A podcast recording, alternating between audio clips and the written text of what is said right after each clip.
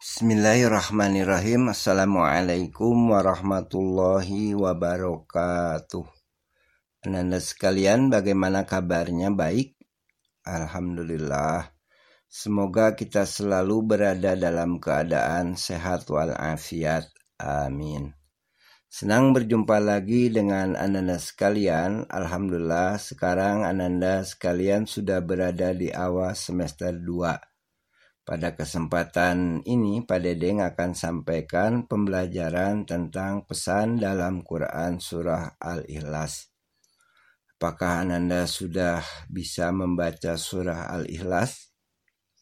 Tentu sudah bisa membacanya dengan baik dan lancar, bukan? Alhamdulillah.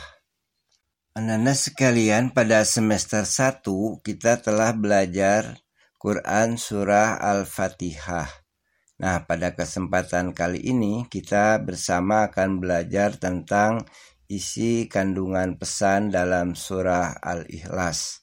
Dalam pembelajaran ini, Ananda harus bisa membacanya dengan baik, juga dapat menyebutkan jumlah ayat dalam surah Al-Ikhlas, tempat diturunkannya, dan mengetahui isi pokok pesan yang terkandung dalam Quran Surah Al-Ikhlas. Nah, untuk mengetahui semua hal tersebut, Pak Dedeng akan menjelaskannya. Silahkan disimak dengan baik.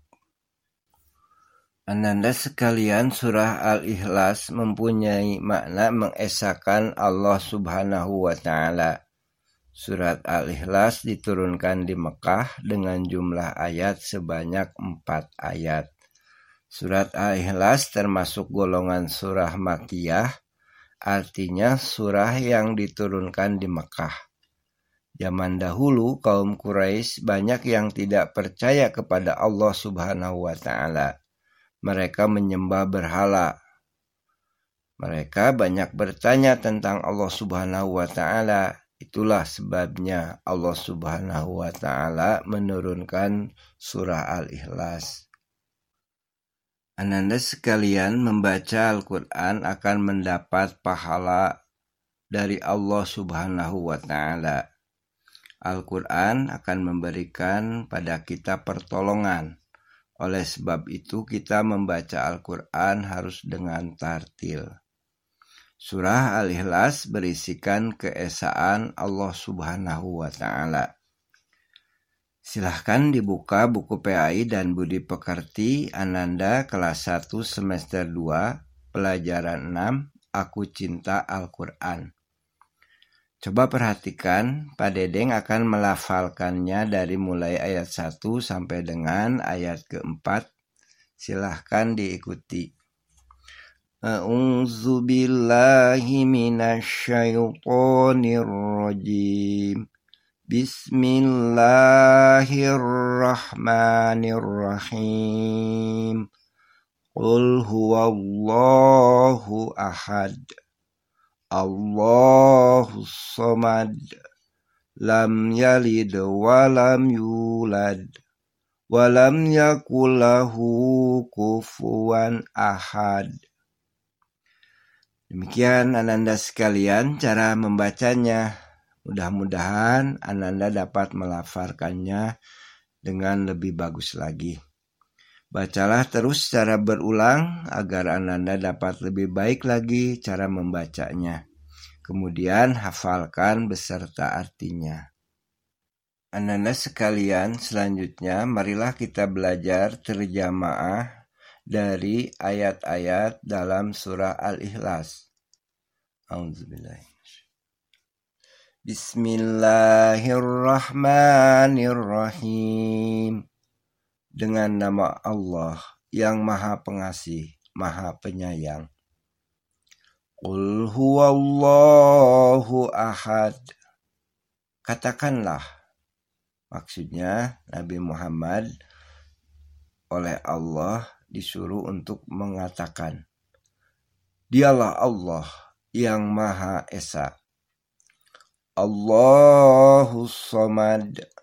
Allah tempat meminta segala sesuatu. Lam yalid wa lam yulad. Allah tidak beranak dan tidak pula diperanakan. Walam yakulahu kufuan ahad dan tidak ada sesuatu yang setara dengan dia. Nah demikianlah kita telah membacanya, melafalkannya ayat demi ayat beserta artinya. Ananda sekalian, adapun pokok pesan dalam kandungan surah Al-Ikhlas. Surah Al-Ikhlas berisi tentang keesaan Allah Subhanahu wa taala. Allah Subhanahu wa taala Maha Esa. Esa artinya satu. Tidak ada Tuhan selain Allah. Ananda yang soleh dan solehah, Al-Quran adalah wahyu Allah subhanahu wa ta'ala. Sebagai kitab suci umat Islam, Al-Quran adalah pedoman hidup umat Islam. Kita wajib mempelajari Al-Quran dan mengamalkannya.